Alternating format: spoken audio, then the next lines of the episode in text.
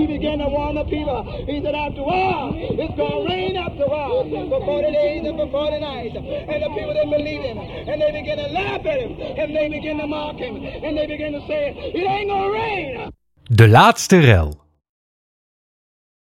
In 1965 zat Steve Reich in een studio achter het mengpaneel.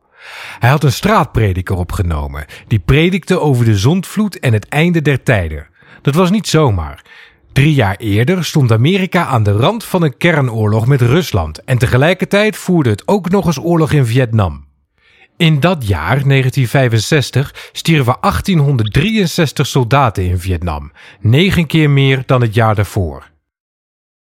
Ruim een decennium eerder liet John Cage de stilte horen om de mensen anders naar muziek te laten luisteren. Steve Reich was gefascineerd door de manier van spreken van straatpredikers. In de studio vroeg hij zich af hoe het klonk als de stem van de straatprediker die hij eerder had opgenomen steeds van het linker naar het rechter kanaal sprong. Hij startte de tapes. Voor elk kanaal had hij een band klaargezet met dezelfde zin in herhaling. Alleen hij had de decks niet goed afgesteld, waardoor één band net een fractie sneller speelde dan de andere. Hij bleef gefascineerd luisteren. Eerst leek er een raar effect over de stem te zitten.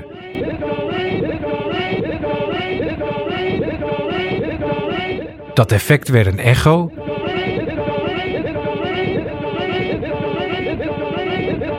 Die echo werd een ritme.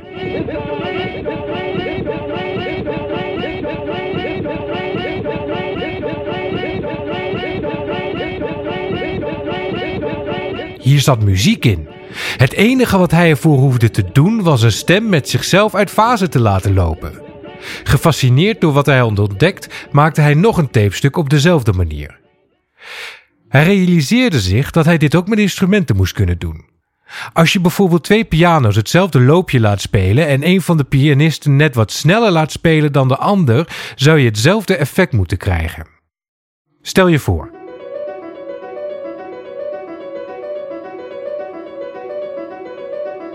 Je loopt samen met iemand rondjes. Jij loopt natuurlijk de hele tijd in hetzelfde tempo, maar de ander heeft nogal de neiging te versnellen.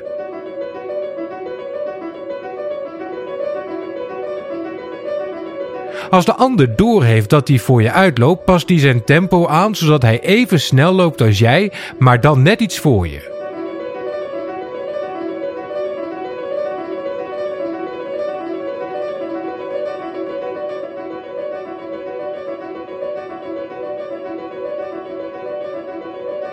Na een tijdje versnelt hij weer eventjes, waardoor hij nog weer verder voor je loopt, waarna hij zijn tempo weer aanpast zodat hij steeds even ver van je weg blijft.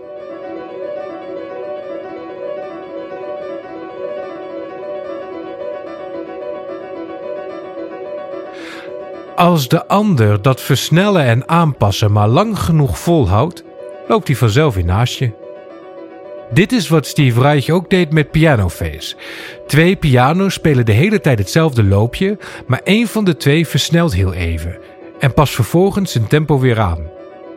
Hierdoor ontstaan ritmen en melodieën die Reich niet heeft gecomponeerd, maar die je wel hoort.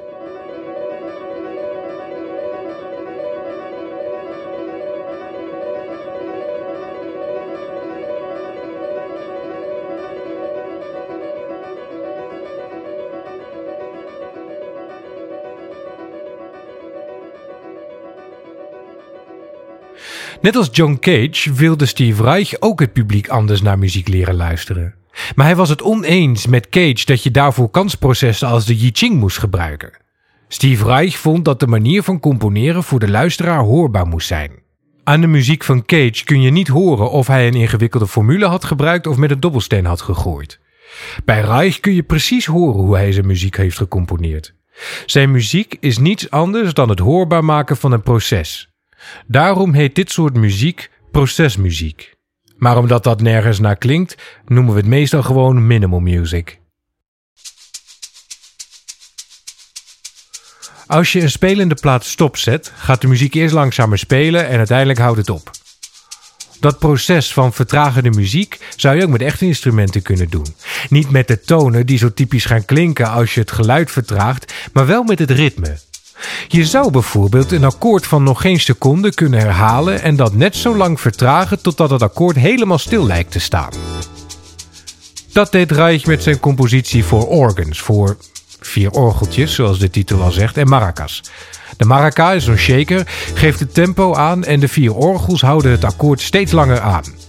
In welke volgorde ze spelen en hoe lang ieder orgeltje de tonen van het akkoord aanhoudt, schreef Steve Reich helemaal uit. Hij blijft natuurlijk wel componist.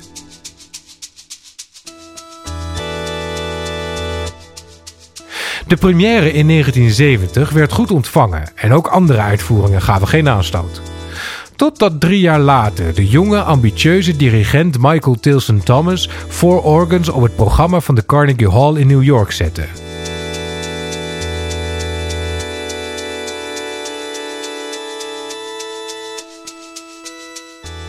Het was een abonneeconcert voor de vrienden van de Carnegie Hall. Het zijn de concerten waar de klassiekers worden gespeeld en waar de gemiddelde leeftijd van de rammelende juwelendragers en hun chaperons ver boven de pensioensgerechtigden ligt. Er klonk een mopje Mozart, een stukje Brahms en er klonk Four Organs. Al vrij snel werd van alle kanten tegen het stuk geprotesteerd. Twee keer probeerde het publiek het stuk weg te applaudisseren. Een vrouw sloeg met haar hoofd herhaaldelijk tegen het podium en riep: Ik beken alles, maar hou nu op met spelen! Het lawaai uit de zaal was zo hard dat Steve Reich en de vier andere spelers elkaar niet meer konden horen. Michael Tilson Thomas probeerde door te gebaren de spelers duidelijk te maken wie wat wanneer moest spelen.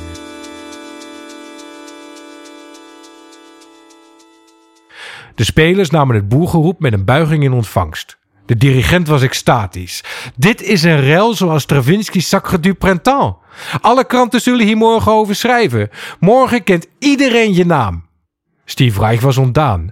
Hij wilde helemaal geen rel veroorzaken. Hij wilde zijn muziek spelen voor mensen die het ook mooi vonden. Maar de dirigent kreeg wel gelijk. De volgende dag stond de rel in alle kranten en iedereen wilde Four Organs zelf horen. Steve Reich's naam was in één klap gevestigd. Four Organs was op dat moment drie jaar oud en Steve Reich was al lang met nieuwe dingen bezig. Het willen laten horen van een proces vond hij niet meer zo interessant, want als je eenmaal het proces hebt laten horen, wat blijft er dan nog over? Hij was vooral geïnteresseerd om met de ideeën die hij had opgedaan nu mooie muziek te maken. De popmuziek was hem dankbaar. Brian Eno ging met de ideeën van Reich aan de haal en het resulteerde in onder meer een nieuwe stijl voor muziek die ambient werd genoemd. David Bowie liet zich onder andere op Heroes inspireren door het procesdenken van Steve Reich en de repetitieve elementen uit Reichs muziek zijn van invloed op house als techno en minimal. De rel rond Four Organs is de laatste rel in een eeuw van rellen geweest. En als rel is het eigenlijk het minst interessant. De dirigent Michael Tilson Thomas had het werk expres tussen klassiekers geplaatst. Hij wist welk publiek op het concert zou afkomen en hij hoopte op een rel om daarmee de kranten te halen. Hij schatte wel goed in dat als muziek nog een rel kon veroorzaken, dat het dan deze muziek zou zijn.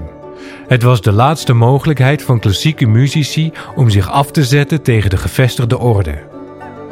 Maar het afzetten tegen je ouders door je muzieksmaak was eigenlijk al lang overgenomen door de rockmuziek. En nu staan zelfs klassieke muziek en popmuziek niet meer tegenover elkaar. Door de kruisbestuiving van minimal music met popmuziek is de grens tussen hoge en lage kunst definitief verdwenen. We hebben geen rel meer nodig.